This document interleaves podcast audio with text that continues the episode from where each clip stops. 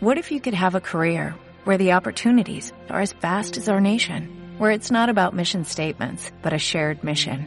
At U.S. Customs and Border Protection, we go beyond to protect more than borders, from ship to shore, air to ground, cities to local communities. CBP agents and officers are keeping people safe. Join U.S. Customs and Border Protection and go beyond for something far greater than yourself. Learn more at cbp.gov/careers.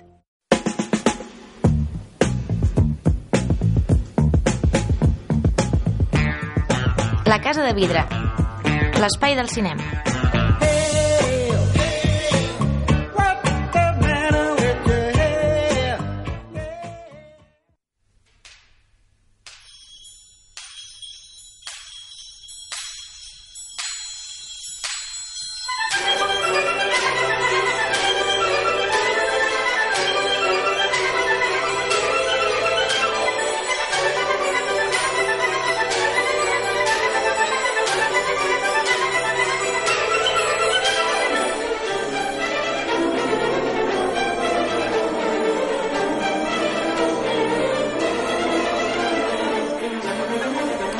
Hola, benvinguts una setmana més a l'Espai del Cinema, a la Casa de Vidre, amb aquests tons molt de, de neu, perquè bé, ha sigut el que ha tocat aquí a Barcelona i a Catalunya, aquesta nevada que sembla més pròpia de Berlín, eh, perquè mm, jo, jo crec que tot s'ajunta, no? El Festival de Berlín va ser fa dos dies, va acabar fa dos dies, i avui aprofitem el programa que torna el Víctor Esquirol, dues setmanes absent. Què tal, Molt Guillem? Molt malament, Víctor, eh? Molt malament, em Ves que has, has sobreviscut, que ja és molt. Sí, sí, i va ser terrible, perquè vaig tornar de Berlín, jo volia trobar una mica de bon temps, de sol, per sortir una mica de la grisó aquesta berlinesa, i no, resulta que aquí també fa molt de T'ho mal has endut, temps. t'ho has endut. I avui ens acompanya el Pau Ortiz. Què tal, Pau?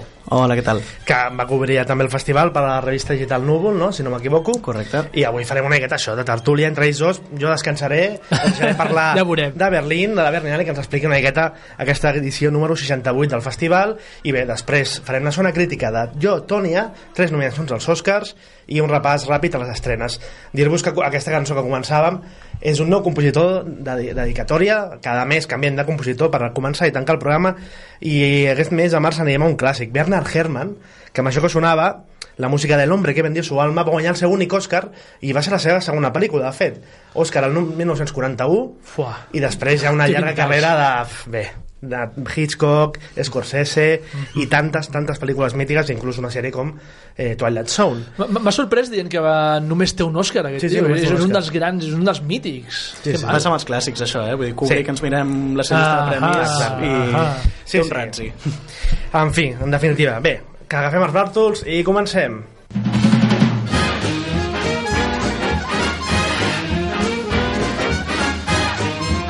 De festival en festival.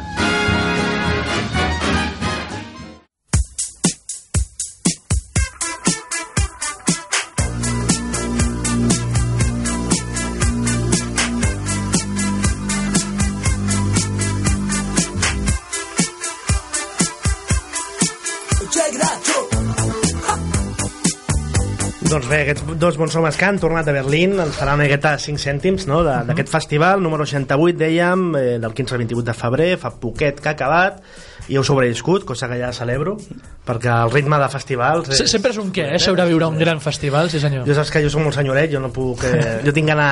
Jo, com No, un senyor. no. jo, de fet, aquest, aquest cap setmana vaig estar al Festival d'Animac de Lleida, més a casa, fem uns bons cargols a Escolta, llauna... va- vas veure la pel·lícula irlandesa, la, la, la pel·lícula nominada a l'Òscar, i què tal? Bé, bastant bé, sí, sí, a l'estil de... Però, però no et veig gaire entusiasmat. Bé, bueno, és que és molt depriment. I... Ostres, Però bé, en definitiva, vaja. Berlín, Pau, Víctor... Parlant de coses depriments, Berlín. Sí. Va, comencem amb una lluita, que és quantes pel·lícules heu vist cadascú, a veure qui guanya. Pau, comença tu.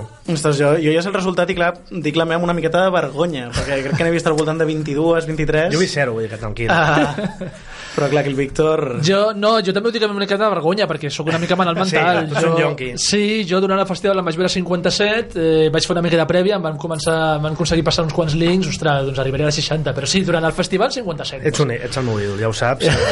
A nivell de festivals, almenys. Sent compassió per mi, tio.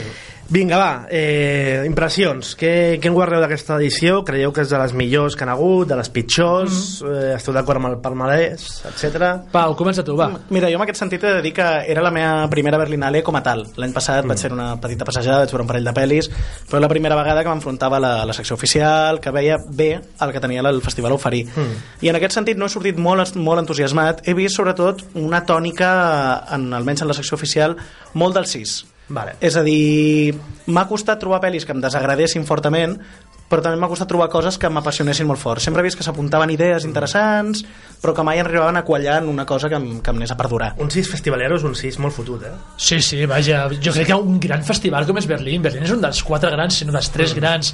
Conformar-se amb el 6, jo crec que... O sigui, jo sóc més fatalista que tu, però realment crec que un festival, almenys a la secció oficial, o un gran festival com és Berlín, s'ha de demanar almenys, almenys de notable. Mm. És que jo recordo que l'any passat a Cannes la gent sortia desencantada perquè es diu, quin Cannes més fluix, però és que et dones compte que el nivell mitjà, la classe media de Cannes era del 7, del 7 no baixava, i això és un any dolent, imagina't a Berlín.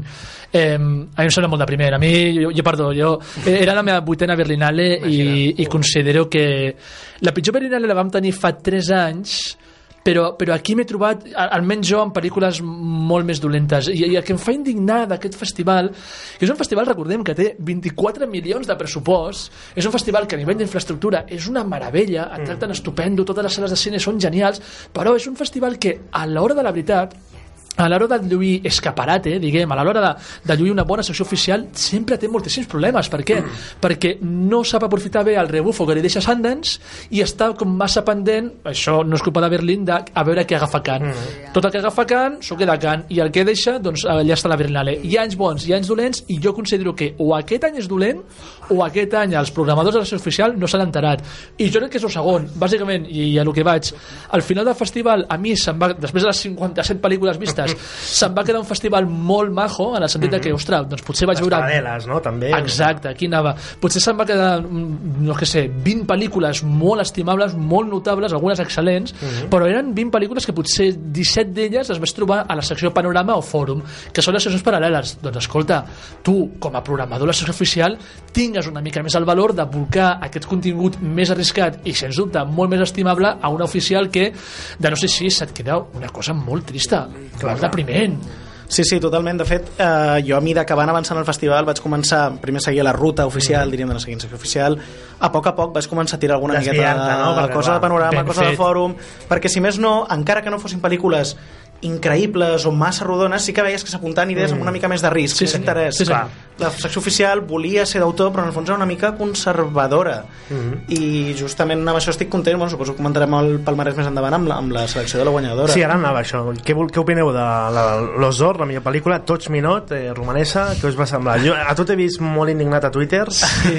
Eh, bueno, no em sembla bé. Vull dir, Jo... No, sí, sí, si ens barallem em sembla estupendo, eh? Jo... Eh, tu què tal, Vic? Jo vaig comprar. Sí? Jo vaig, Sí. vaig comprar i sobretot eh, ja no només vaig comprar la pel·lícula, que em va semblar molt estrany d'entrada de Força Secció Oficial perquè m'encaixava molt més amb, amb la línia de, justament de, de, De fòrum, panorama, no? o de panorama, totalment. Clar, clar, em va semblar molt estrany que una òpera prima, a més d'aquest caire tant a la línia entre ficció i documental, entrés tan fora secció oficial però em va agradar a l'hora que la premiessin perquè ja posats a haver tingut una, una secció oficial sense grans destacades, sense grans històries anar a apostar per una cosa que realment ha estat una mica radical i ha remogut Sí, a mi eh, tens raó, jo, jo seré molt dolent aquí, us aviso, fa Vull 3 conflicte, anys fa, no, fa 3 anys o fa 2 anys com us he dit abans, em vaig trobar amb la, que per mi és la pitjor Berlinale a la que he anat mai i, i em vaig indignar perquè en aquell llavors el jurat presidit per la Meryl Streep va aconseguir treure un palmarès prou decent que la gent que no havia anat a la Berlinale mirava el palmarès i deia, ostres, ha sigut un bon any.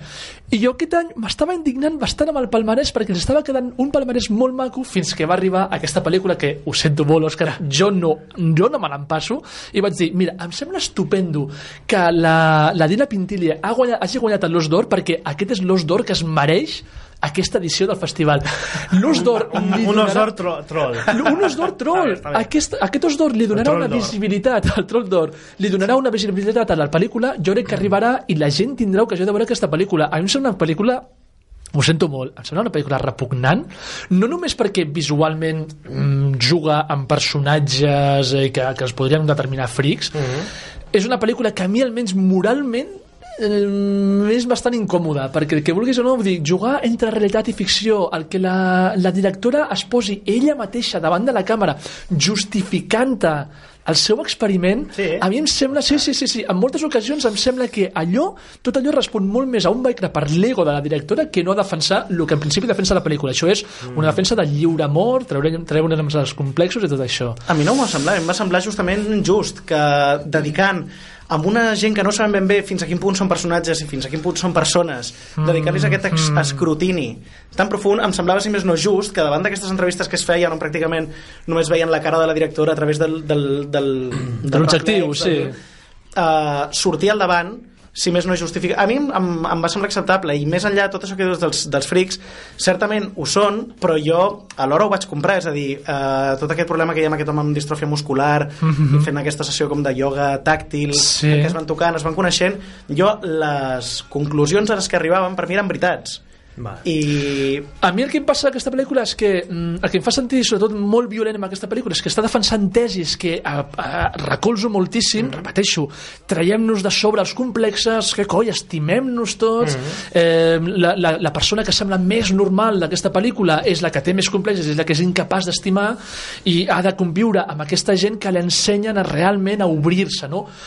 A- recolzo moltíssim, estic a favor de les tesis que, que defensa la directora però a mi em sembla que arriba a un grau de morbositat aquesta pel·lícula sobretot en el tram final, no vull entrar gaire en detalls però hi ha una escena Sí, de sexe estàs parlant. Que la càmera es posa en uns llocs hiperindecents que em sembla, ostres, jo crec que aquesta pel·lícula ja va fins i tot a provocar Mm. i això sí que se li ha donat el palmarès van premiar la pel·lícula que, de la qual tothom estava parlant però jo crec que és una provocació molt, molt senzilla, molt, molt barruera Jo, pel, pel, pel, segons el meu punt de vista, sí que aquesta escena en concret em va semblar que quedava una mica curta. Buah. Si hagués estat ben treballada i ben justificada, era el clímax lògic. Perquè Sí. per mi arri- arribant a aquest punt era un clímax lògic, però eh, havent estat fent una cosa tan delicada, entrar allà directe, mm. eh, de forma super explícita, però sense acabar de mantenir aquell to mm, més, més carinyós, més subtil que teníem abans, era com si de cop i volta eh, en, teníem, en teníem menys. Exacte, era un trencament El que que jo, passant. jo no li compro gens. Bé, això va ser la millor pel·lícula. Dóna Sí. una, una alegria, perquè almenys a la distància em vaig alegrar molt per Wes Anderson, millor direcció. senyor, sí, senyor. Isla de Perros, eh, clar, una de les pel·lícules que tinc més ganes de veure, sens dubte. Sí. Què tal, aquesta No, Vaja, jo crec que aquí estarem d'acord, Sí, no? A mi em sí, sembla l'enèsima meravella del Wes Anderson, no em Bé, sembla bé. que estigui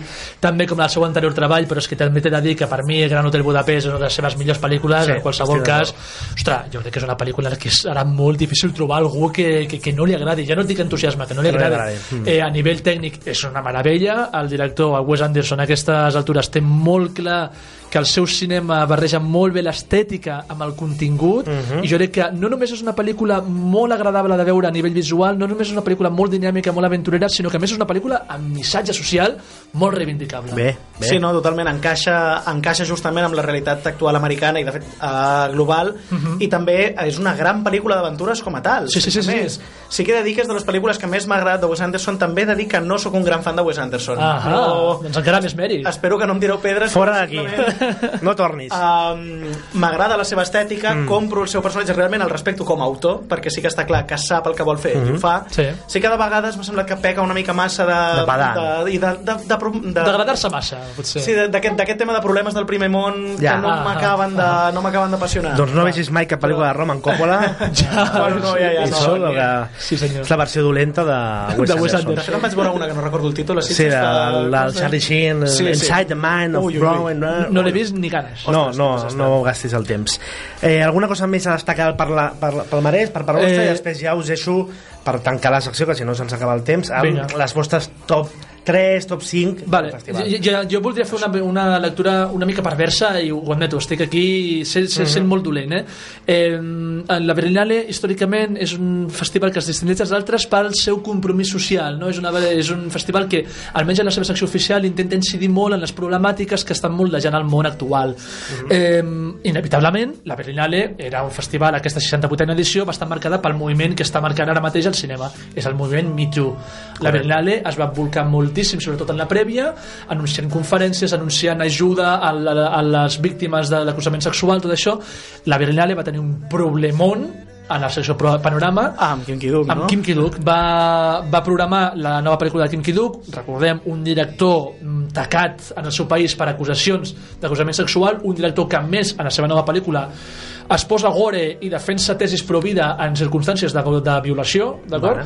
La Berlinale va haver de sortir a meitat del festival a donar una roda de premsa i fer un comunicat de premsa a reafirmar el seu compromís amb el moviment Me Too i vulguis o no, jo al final de tot em trobo un palmarès en què millor pel·lícula i segona millor pel·lícula són de dues directores escolta, eh, estic sent molt pervers eh? No, no, no, admeto, ho admeto, però has, has de ser pervers. jo, jo crec que vull dir, això, el Me Too va marcar molt el festival i ens trobem aquesta culminació festival que vulguis o no No em sembla una reivindicació estranya, és a dir, puc entendre que es pogués arribar a plantejar, però per altra banda, per mi totes dues pel·lícules, tant, tant Touch Me Not com Tours, em semblen molt bones pel·lícules. Jo amb Tours vaig gaudir, vaig gaudir amb molt. Tours sí que la defenso molt sí. Sí, i, i sí que en aquest sentit, hi ha una cosa que vaig trobar molt, sí que vaig mantenir, vaig veure que es mantenia molt una coherència a nivell de crítica social, crítica política, també vaig veure molt eh, que hi havia molta pel·lícula eh, explicant una història real del passat per llegir el present.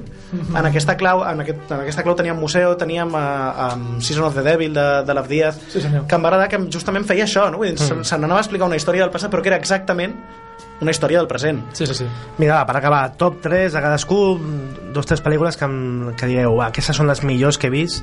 Òscar, festival. tu primer Mira, a Pau, Pau. Pau, Pau. Ui, uh, vale, que mal, Pau, Òscar, tio. Òscar, la setmana que ve que parlarem dels Oscars. Això ho sento molt, ho- sento molt. no passa res. Um, M'ha agradat molt coses fora de competició. És a dir, M'ha agradat molt la pel·li de, de Steven Soderbergh, Insane. Sí, senyor, jo també la defenso moltíssim. M'ho vaig passar m'agrada. molt bé, dels millors thrillers que he vist últimament. Sí, senyor. Uh, em va agradar molt Season of the Devil, Mhm. que ja comentava, molt extrema, molt radical, una mica era una feinada, però, però la vaig gaudir. I per últim podria dir mateix mm, Filla mia, em va agradar. Ben Jo- resumit, m'agrada. Vinga, Apuntes maneres. les meves tres preferides són de Fòrum. Eh, una d'un gran, d'un gran autor, Grass, la nova pel·lícula del Hong Sang-soo, una de meravella, una de les meves pel·lícules preferides d'aquest eh, director eh, surcoreà.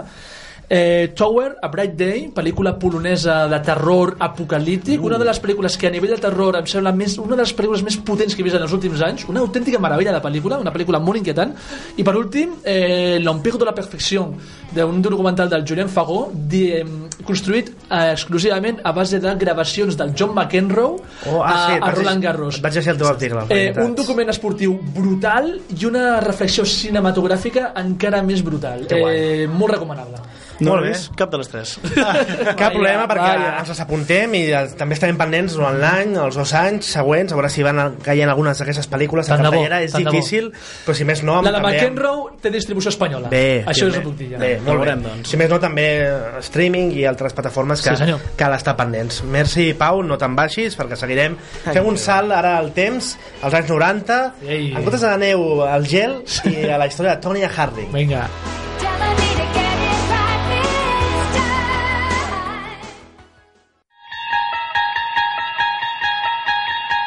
La zona crítica.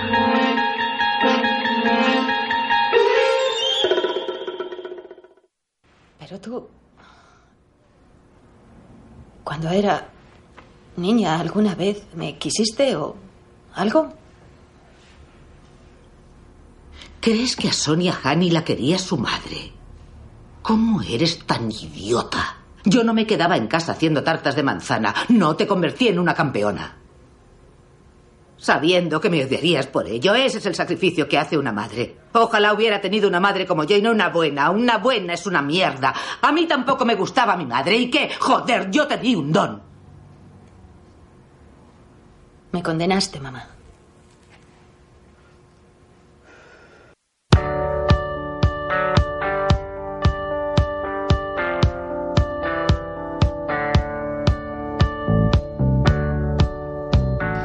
Aquesta era la conversa entre la Tonya Harding i la seva mare, que interpreta Alison Janney, que ja podeu apuntar, que es portarà l'Oscar eh, diumenge, sí. millor secundària.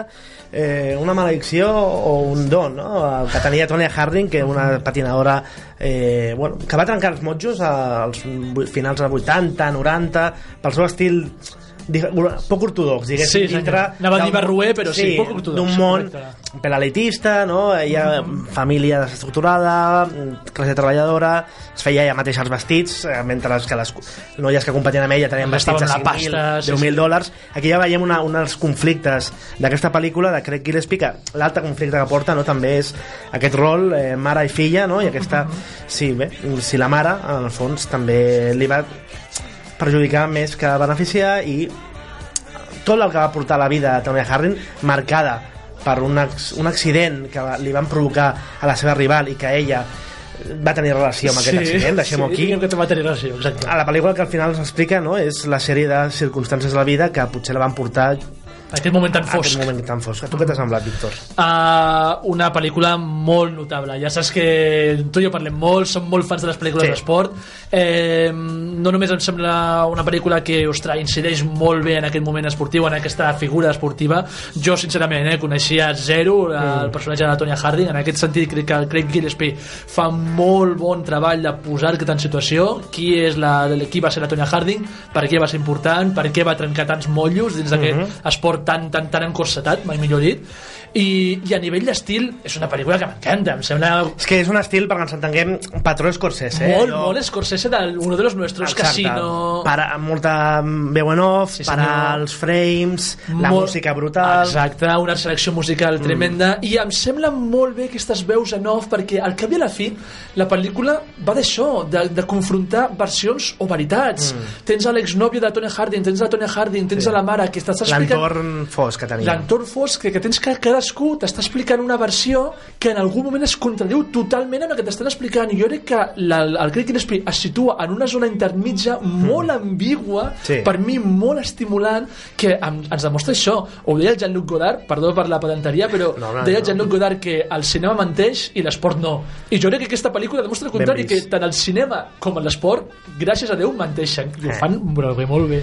M'agrada això de, de l'ambigüitat perquè de fet la diferència amb la veu en off de Scorsese i de Gillespie en aquest cas seria que aquí hi ha una justificació de, fer un fals documental no? Sí, senyor. Ens, perquè ens entenguem els personatges parlant a càmera com si fos un fals documental de basat en, en imatges reals no? Gravacions. eh, això el que fa és jugar aquesta ambigüitat de mm, quines versions de la veritat ens creiem Sí. perquè tot i va, que va ser un afer mm, televisat i que de fet va portar audiències brutals als Jocs Olímpics d'hivern al 94 el Hammer uh no se sap encara del tot què va passar, no? diguéssim, hi ha una miqueta aquesta àurea i ella es va portar el paper de dolenta de l'auca i, ta- i clar, també juga molt bé la pel·lícula amb això, en crear-nos Clar, clar, perquè vulguis o no, la pel·lícula t'acaba ensenyant una versió dels fets, però sempre tenint en compte que hi ha moltes Mm. veus discordants, i en aquest sentit m'agrada moltíssim. Escolta, estava pensant, any 94, quin any?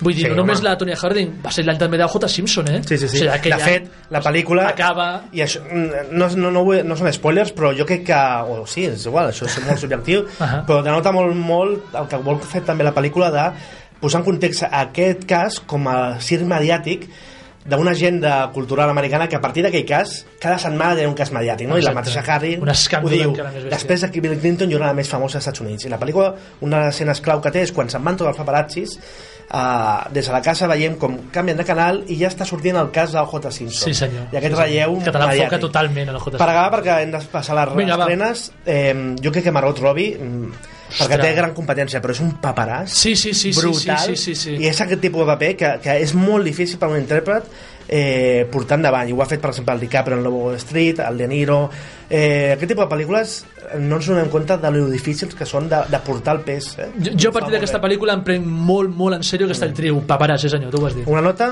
Eh, un Deu? 7, eh, un 7 i mig, va. set i mig jo també vinga va, ràpid cap a les estrenes de la setmana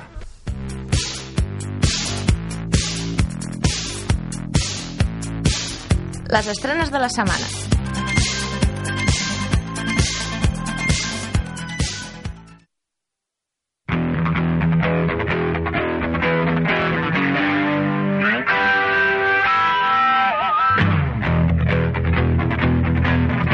Doncs bé, ja tenim una setmana carregada. Crec que després dels Oscars comencen a venir aquestes setmanes de 10-12 estrenes i fem una miqueta de filtre. Yeah. Comencem per un thriller eh, d'espia, d'espionatge, amb Jennifer Lawrence com a gran protagonista, dirigit per Francis Lawrence, companys de cognom, Mm-hmm. que és Gorrión Rojo. Bé, entretinguda, però massa llarga. pel Digue-m'ho meu- tu, no l'he vist, eh? meu parer. També tenim Sin Rodeus, la nova pel·lícula de Santiago Segura, eh, segon remake d'una pel·lícula xilena que intenta ser feminista i és més aviat eh, molt carrinclona. Uau. La última bandera, Richard Linklater, aquesta sí que... Bastant a favor d'aquesta pel·lícula. A favor, sí, sí, sí. pel·lícula? Una seqüela bastant atípica, mm. molt al seu rotllo, però escolta, seqüela bastant Linklater. espiritual de l'última de ver, aquella pel·lícula mítica Jack Nicholson. de Hal Ashby i Jack senyor. Nicholson Héroes en el infierno, una pel·lícula que seria com la marea eh, perfecta eh, la tormenta perfecta per portar al món dels bombers Uau, no l'he vist, però compro. està, està bé, dues hores, dues hores i mitja d'allò eh, patriotisme americà i, m'agrada, m'agrada Josh. Brolin, Miles Teller i Jeff Bridges Bien. cantant una, una versió de Ghost Riders in the Sky aquesta gran cançó i el tio es marca ja jo crec que és per contracte Eh, si surto a la pel·lícula he de portar la guitarra Vendida, vendida, i cantar tio. tenim Marc Recha amb La vida lliure la seva pel·lícula, molt a favor i també Sí. un estil ja que no enganya diguéssim que qui, qui conegui el seu autor gaudirà aquesta pel·lícula Totalment. i acabaríem amb Elementary, una pel·lícula basca de fantasia que a mi em va... Jo li tinc molt carinyo aquesta pel·lícula. Sí, sí, sí, sí, molt, és una pel·lícula molt entranyable. Quina tries de totes? Jo, Si mira, de, de de, les que he vist, eh, héroe, ah, jo no vull veure la Corrient Rojo, sobretot. Vinga. I tu, Pau, tria'm una. Uh, em quedaria amb la de Linklater, que realment tinc moltes, sí, senyor, moltes ganes. bona elecció. Doncs ja sabeu, no hi ha excuses per anar al cinema. Una mica autobombo. Aquest diumenge als Oscars, Catalunya Ràdio, ja hi seré present amb tot l'equip de Festa Ei. Discreta. Per tant, si voleu matinar i escoltar-nos, eh, ens ho passarem bé. T'escoltarem, Jo crec que sí. Guillem. I la setmana vinent, aquí a la Casa de Vidre, farem una miqueta de tertúlia de tot el que hauran sigut els Oscars aquest any més previsibles que mai, crec. Espero que si, La setmana passada vam fer bé prèvia, si voleu encertar travesses, escolteu-nos. Tanquem amb Bernard Herrmann i Con la muerte en los talones. Moltes gràcies, Pau. Moltíssimes Espero que gràcies. tornis aviat i fins aviat a tots vosaltres. Adeu. Ciao. Adéu.